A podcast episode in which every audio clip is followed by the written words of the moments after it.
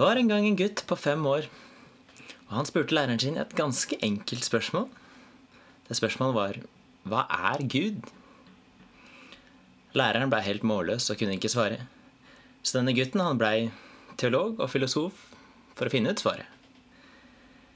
Dette var Thomas Akinas. Han levde på 1200-tallet. Akinas elsket å stille enkle spørsmål, men med veldig vanskelige svar. Men som vi siden har funnet ut, så Akinas sitt eget svar på dette spørsmålet var det kan vi ikke si noe om. Vi kan ikke vite hvordan Gud er i seg selv. Men vi kan vite hva Gud ikke er. Det høres kanskje ut som Akinas var en agnostiker.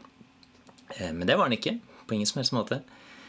For selv om Akinas kanskje var agnostisk til at vi kunne vite hvordan Gud i seg selv er, altså Guds fulle essens, Guds fulle natur, så var han på ingen måte agnostisk til hvorvidt Gud eksisterte.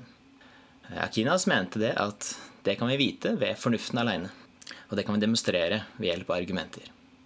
Men bare fordi vi ikke kan si noe direkte om hvordan Gud i seg selv er, betyr ikke det at ikke vi kan si noe om Gud overhodet. For bare ved å si hva Gud ikke er, så kan vi lære en god del. Vi kan f.eks. si at eh, Gud, hvis eh, konseptet om Gud skal gi noe som helst mening, så kan ikke Gud være underlagt rom og tid, det må være opphavet til alt. Eh, så da kan vi utlede en del ting. Vi kan f.eks. si at Gud må være immateriell, Gud må være utenfor tid, såkalt evig, og ikke minst allmektig, siden han er opphavet til alt. Nettopp fordi at hvis Gud hadde hatt utstrekning innenfor tid og rom, så hadde han jo vært underlagt eh, tid og rom og kunne ikke vært, eh, kunne ikke vært det ultimate opphavet til absolutt alt og alle. Så velkommen til Daniel Joakim, en podkast om filosofi i møte med Gud, vitenskap, kristen tro, etikk og mye mer. Det ligger noen veldig interessante episoder eh, foran. Blant annet neste uke skal jeg prate med Mariam Trine Skogen, som gikk fra TenSing til islam. Eh, men før vi går videre, så tenkte jeg raskt å ta dere inn i hva er tomisme? Altså denne filosofiske tradisjonen som da kommer etter Thomas Akinas, eh, som jeg prata om innledningsvis. Poenget her er ikke å gi en sånn full utgreining i hva alt det han lærte, men heller på en måte bare forklare raskt om hva er egentlig tomisme, og hvor, hvor kommer det fra? På en, på en ganske forståelig måte. Eh, hvis du ønsker å vite mer om de ulike tingene som tomisme lærer om, så går det an å sjekke ut et YouTube-foredrag. Eh, eller gå inn på danieljoakim.org og sjekke underkategorien tomisme. Eh, så jeg skal legge linker til det på notatene under denne episoden. Men bare ganske raskt før vi går videre, så tenkte jeg bare å informere om at det er mulig å hyre meg inn til ungdomsklubben din, eller til menigheten, eller til Humanitisk Forbund, eller til Litteraturhuset, eller hva som helst, til å prate om noen av disse temaene her. Enten i foredragsform eller i samtaleform. Det koster slett ikke mye. Jeg skal bare få dekket gjerne reiseutgifter, eventuelt opphold, og gjerne et lite honorar, slik at det er nok til å betale rosiner i havregrynen, som sagt.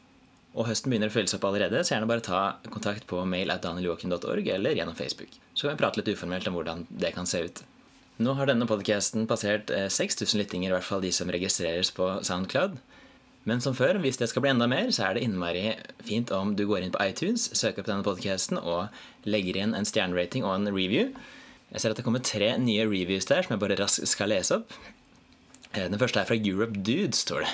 Han skriver spennende og viktig podcast som minner oss om den viktige forskjellen mellom nyateister og de originale artistene. Eh, jo, takk for det.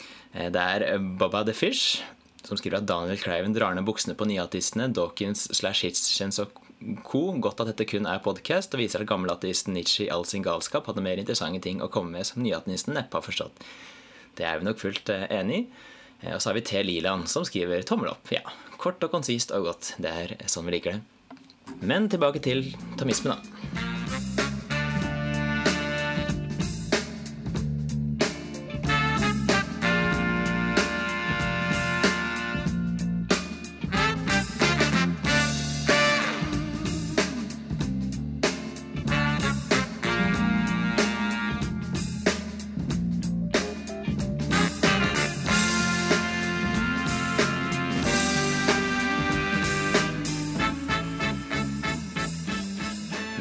Tilbake til atomisme. Hva er hva som er spesielt med det? Jo, det er jo en filosofisk tradisjon. Eh, og det er en av de største filosofiske tradisjonene som fins i dag. Eh, da ved siden av andre systemer som du kanskje har hørt om, sånn som analytisk filosofi eller kontinental filosofi eller platonisme eller den type ting. Og den filosofiske tradisjonen leverer altså på en måte noen tanker som ligger til grunn for hvordan man tenker siden. Så på temaer alt fra gudsbevis til fri vilje. Eh, og om folk spør, så svarer jeg gjerne at jeg har tomismer som en slags sånn arbeidshypotesene. Men det er et pågående kjærlighetsforhold som har vært i flere år nå. Eh, så jeg er vel en av egentlig få tomister i Norge. Selv ble jeg konvertert til tomisme for noen år siden, og jeg må innrømme at det var kanskje hovedsakelig pga. den katolske filosofen Edward Facer, som har skrevet en rekke flotte bøker som, het, som, går på alt fra 'Philosophy of Mind' til en egen bok om Akinas og, og en bok som heter 'The Last Superstition'. Den boka er egentlig en morsom polemikk og et oppgjør med nyatistene, men er samtidig en slags sånn utlegning eh, på en ganske lett forståelig måte av Aristoteles, Platons tanker, og da fram til eh, Thomas Akinas, og prøver å demonstrere hvordan disse tankene her holder seg godt i dag, og kanskje er eh, overlegne til de konkurrerende systemene. Så jeg minner meg at til dags dato så er det det rikeste, mest dyptpløyende og helhetlige filosofiske tankesystemet som jeg har kommet over, og jeg blir stadig bedt om å holde foredrag om disse temaene med en slags sånn kort innføring til det tomistiske Eh, tankeverden. Og får gjerne tilbakemeldinger fra personer som syns denne måten å tenke på er et forfriskende pust i vår tid. Eh, at kanskje selv om ikke du kjøper absolutt alt jeg sier, så skjønner du i hvert fall at det fins visse grep du kan gjøre da, på det mest fundamentale nivået som åpner opp for at det fins flere måter å, eh, å, tenke om akkurat de samme tingene på. Så som det ligger i navnet, så Thomisme får jo da sitt navn fra den italienske dominikanermunken Sankt Thomas Akina, som levde da fra 1224, ja, 1224 1225 til 1274 og den befinner seg i tradisjonen etter ham. Og han prøvde ikke bare å svare på spørsmålet 'Hva er Gud?', men han prøvde Altså, det prosjektet som eh, Thomas gjør, er at han setter seg egentlig ned på 1200-tallet og tenker at nå skal jeg samle den beste kunnskapen som er tilgjengelig for menneskeheten til dags dato.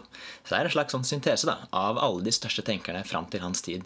Fra, fra førsokratene fram til da denne trioen Sokrates, Platon Aristoteles, og de tenkerne som også var etter han. Og han er jo opplest på kristne som Eh, Athanasius Origenes og Sankt eh, Augustin, men også på jøder som Maimonides, eh, og muslimer som Averøs og Avicenna. Og navnet Thomas Aquinas på italiensk så er det Tomasso di Aquino. Det betyr rett og slett Thomas fra Aquino. På bryllupsreisa mi sist sommer så var vi innom Aquino, så det kan anbefales til alle som ønsker et langt og lykkelig ekteskap, er å ta en tur innom det stedet hvor Aquinas ble født. Og han kom fra en ganske rik familie. Thomas selv ble født på borgen i Racasecca, og faren hans var Landulf, han var greven av Aquino. Så da plutselig Thomas i slutten av tenåra kommer og sier at han ønsker å bli dominikanermunk, så er ikke det særlig populært hos familien. Eh, dominikanerne var en av de to nye munkeordene som hadde dukket opp på den tida. Dominikanerne etter Sankt Dominic, eh, og da den andre som var fransiskanerne etter Sankt Frans av Assisi, eh, som sikkert de fleste kjenner til. Så slik historien går man veit ikke hvor man har alle disse historiene fra, så man kan kanskje ikke si med 100% sikkerhet at de faktisk har skjedd, men det er i hvert fall morsomme historier å fortelle. Eh, slik historien går, så eh, blei Thomas eh, låst inne i et tårn i et år, nettopp fordi at familien hans ønsket at han skulle forandre mening. Men når han var like standhaftig etter et år, så skjønte de at de måtte gi tapt, og dominikanerne greide da å smugle han ut. Til at han da til slutt endte opp i, på universitetet i Paris. Og i Paris så studerte han under Eh, Albert den store, som antageligvis var den mest kjente tenkeren i hele den vestlige verden på den tida. Men da ganske snart så ender jo Akinas da opp med å til og med overgå sin egen læremester. Eh, på skolen så ble han kalt for 'den dumme oksen' eh, av studiekameratene sine. Antagelig så var det mye pga. at han var ja, hva skal man kalle det, litt røslig. Han hadde en slags sånn treg, tung, systematisk framgang i tankevirksomheten hans. Men Albert den store skjønte at det var potensial her, og uttalte raskt om sin elev at du kan kanskje kalle han for en dum okse, Eh, men jeg sier til dere at han kommer til å raute så høyt at læren hans eh, og stemmen hans kommer til å høres over hele verden. Og Albert fikk helt rett. Akinas endte opp med å bli en av verdenshistoriens største tenkere. Eh, blant annet så er han på sir Anthony Kenny. Sir Anthony Kenny er forfatteren av The Oxford Handbook for the History of Philosophy. Og Akinas endte opp på hans liste som en av de fire største filosofene i verdenshistorien. Da sammen med de vanlige Platon, Aristoteles og Wittgenstein. Eh, noen andre som gjerne er på den lista, er f.eks. René Descartes eller David Hume eller Immanuel Kant, men altså ikke her. Og Thomas Akinas er spesielt inspirert av Aristoteles. Og Aristoteles har en så stor posisjon at når Akinas skriver, så skriver han gjerne om filosofen med stor F. Eh, og da er det måte under, underforstått at det er Aristoteles han prater til. Men hva er det som er så spesielt med tomisme? Jo, tomisme er sterkt fundert i fornuft. Omtales av mange som sophisticated common sense, eller ja, sofistikert sunn fornuft. Det forteller at eh, de tingene vi vet om verden, vi har kanskje ikke helt det begrepsapparatet for å uttrykke det i sånne teknisk terminologi, men det viser seg stort sett å stemme. Så når du f.eks. ser et tre framfor deg, så kan kanskje moderne naturvitenskap si at eh, underliggende det treet så består den av noe som er eh, enda mindre av atomer eller fundamentalpartikler. Men det er like fullt et tre som faktisk er der, slik at disse tingene her kan beskrives på ulike nivåer. Automisme holder til at det meste av natur og teologi kan fattes gjennom et godt samspill mellom observasjon og fornuft. Og de fleste tomister som jeg sa tidligere, holder dessuten til at Guds eksistens kan demonstreres ved fornuft alene. Og Akinas gjør dette her selv i den kjente Kinkevie. Det er latin for fem veier. Altså Akinas sine fem veier. Og ganske sikkert, riktig forstått, så står de seg fremdeles like godt i dag som de gjorde på 1200-tallet, til tross for at det finnes mange mennesker der ute som gir hyppige karikaturer som florerer. F.eks. Richard Dawkins har vel til hans kreditt faktisk kastet seg ut med noen av de tradisjonelle gudsargumentene i boka The God Illusion. Men det blir jo ganske raskt tydelig at Dawkins forstår ikke disse argumentene her i det hele tatt. Så Dawkins starter vel med å si Nå har jeg boken foran meg. Han starter å si at de fem bevisene som blir antatt av Thomas Aquinas i det 13. århundre, ikke beviser noe som helst og er lette Eh, lette å avsløre. Og Han legger også til at eh, han, han nøler egentlig litt med å si det, fordi Thomas Aquinas er en veldig stor tenker. Men det er jo bare posering, for det blir ganske raskt tydelig at Dawkins har ikke lest noe som helst av Aquinas og skjønner ikke engang hva han forsøker å si. Så han lister opp de fem argumentene, men presenterer de på en sånn måte som ingen tamist noensinne har gjort, og bruker da disse strommene til å slå de ned eh, ved å spørre sånne spørsmål som hvem skapte Gud, eller kan ikke Gud bare være en maksimal stinker, eller til og med at Darwin har avslørt Thomas sin femte vei. Og disse, disse, motargumentene er totalt irrelevante. Fordi de er rettet mot versjoner av argumentene som ingen tomist noensinne har gitt. Så jeg håper at vi får mulighet til å gå gjennom noen av de i framtidige episoder, og kanskje det også vise til hvor, hvorfor Dawkins sine karikaturer er så langt på avveie.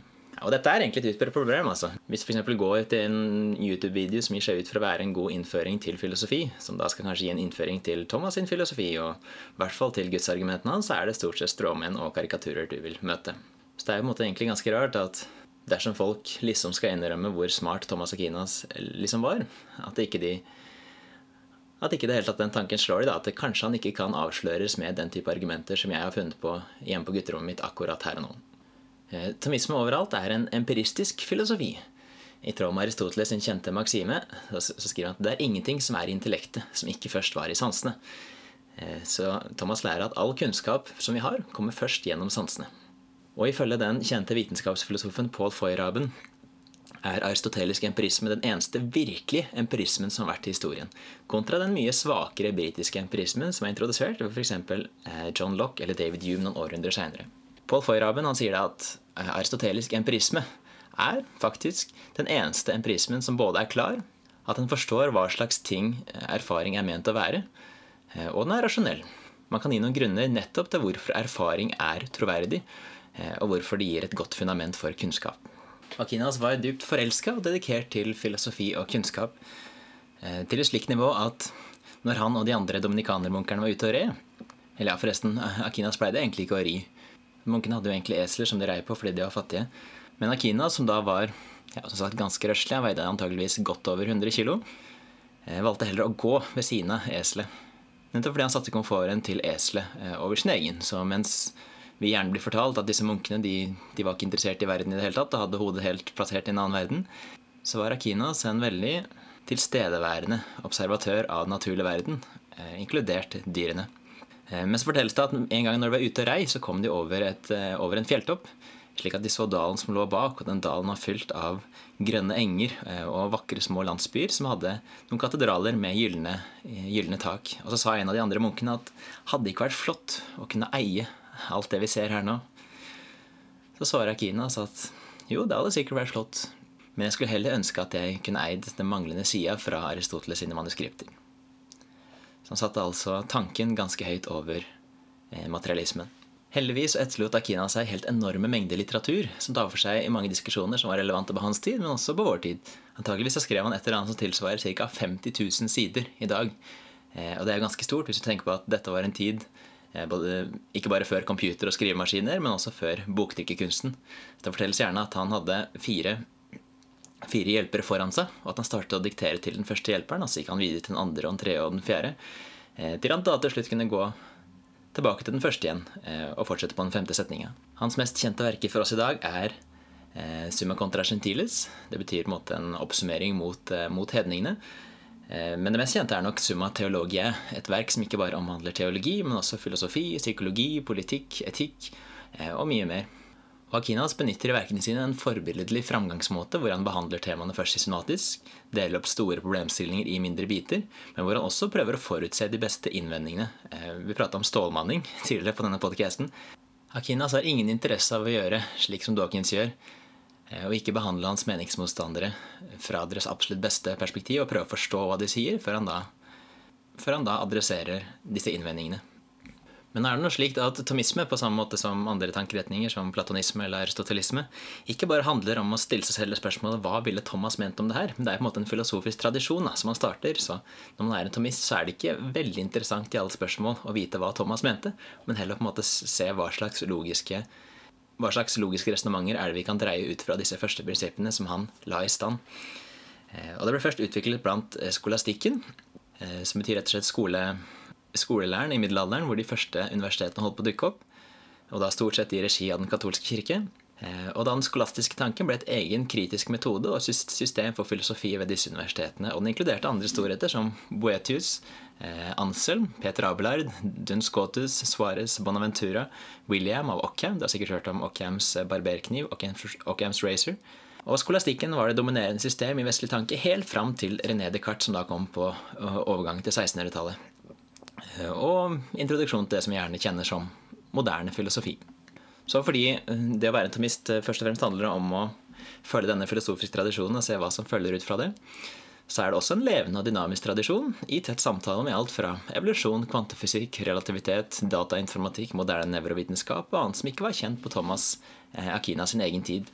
Så atomister i vår tid er, med fornya kraft, får en vel si, i dialog med nåtidige diskusjoner om metafysikk, naturfilosofi, vitenskapsfilosofi, teologi, sinnsfilosofi, etikk og andre områder.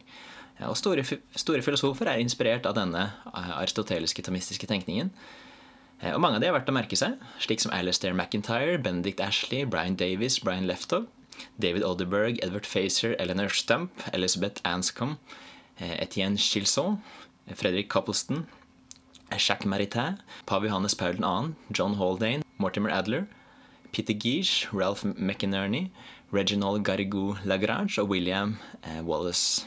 Altså ikke denne skotske frigjøreren som du lærer om i Braveheart, men, men en munk og filosof. Og Blant disse så har franske Etienne Gilsot en ganske knusende dom over moderne filosofi. Han skriver at «The great curse of modern philosophy is the almost universally prevailing rebellion against intellectual self-discipline. Where loose thinking obtains, truth cannot possibly be grasped, whence the conclusion naturally follows that there is no truth». Så du kan bare tenke deg hva disse menneskene tenker om ja, alt fra Dawkins, Harris og Hitchens, men også til postmodernisme og, og mye annet. Og som sagt, jeg tror også det er en del andre som ser dette i vår tid, at hvis vi skal løse de store spørsmålene i vår tid, f.eks. hvordan vi funderer godhet, eller hvordan vi besvarer spørsmål om hva som er dypeste virkelighet Er det Gud, eller er det natur, eller er det noe annet, og hvordan kan det gi mening i det hele tatt? Eh, eller hvordan får vi plass til noe slik som en bevissthet og fri vilje i vår natur? Så må vi ty til en mye rikere naturfilosofi, og den finner vi gjerne stort sett ved å gå tilbake. Før Descartes og tilbake til personer som Aristoteles og Thomas Akinas. Slik at en filosof i dag som Stephen Mumford, som på ingen måte er en kristen eh, og Han er noen ganger innom universitetet i Ås, faktisk. Eh, og Han har skrevet at eh, det fins antakeligvis tre store perioder i filosofi. Det fins den klassiske antikke, det fins middelalderen, og det fins moderne. Han skriver at jeg er ganske sikker på at det er den moderne som er den svakeste. Allikevel så er det den vi stort sett lærer mest. Like før Thomas døde i 1274, ca. 50 år gammel, så sluttet han å skrive på Summan, som var hans hovedverk. Så Summan er faktisk uferdig. Eh, og hvorfor gjorde han det? Jo, det var fordi han ifølge seg selv hadde opplevd noe så mye større. Han hadde hatt en såkalt mystisk opplevelse med Gud, hvor han hadde fått, han hadde fått møte Gud selv og fått en liten forbit på hva himmelen var. Så etter det så sa han at alt jeg har skrevet nå, er som strå. Og det sa han ikke fordi det var verdiløst, ikke fordi det ikke var eh, det største teologiske verket som noensinne er skrevet, men nettopp fordi at eh, mens Akinas bare pekte på Gud, eh, så var det å møte Gud selv var så uendelig mye større at til sammenligning så var dette nettopp som strå. Så Det var et forsøk på en veldig kort introduksjon, i hvert fall så kort som jeg klarer, til tamisme. Og hvis du har lyst til å lære mer om dette her, så kan du som sagt gå inn på bloggen eller gå inn på YouTube, så finner du linker til det i notatene under denne episoden. Og siden jeg kaller meg for en tomist, så er det også ganske fundamentalt i hvordan jeg tenker. Hvor du da kanskje vil finne ut at det fins en del andre typer resonnementer enn i de fleste andre bøker og podcaster som er mest kjent for det norske folk. Så tusen takk for at du hørte helt, helt ned hit. Neste uke så prater vi med Mariam Trine Skogen. På gjensyn inntil det.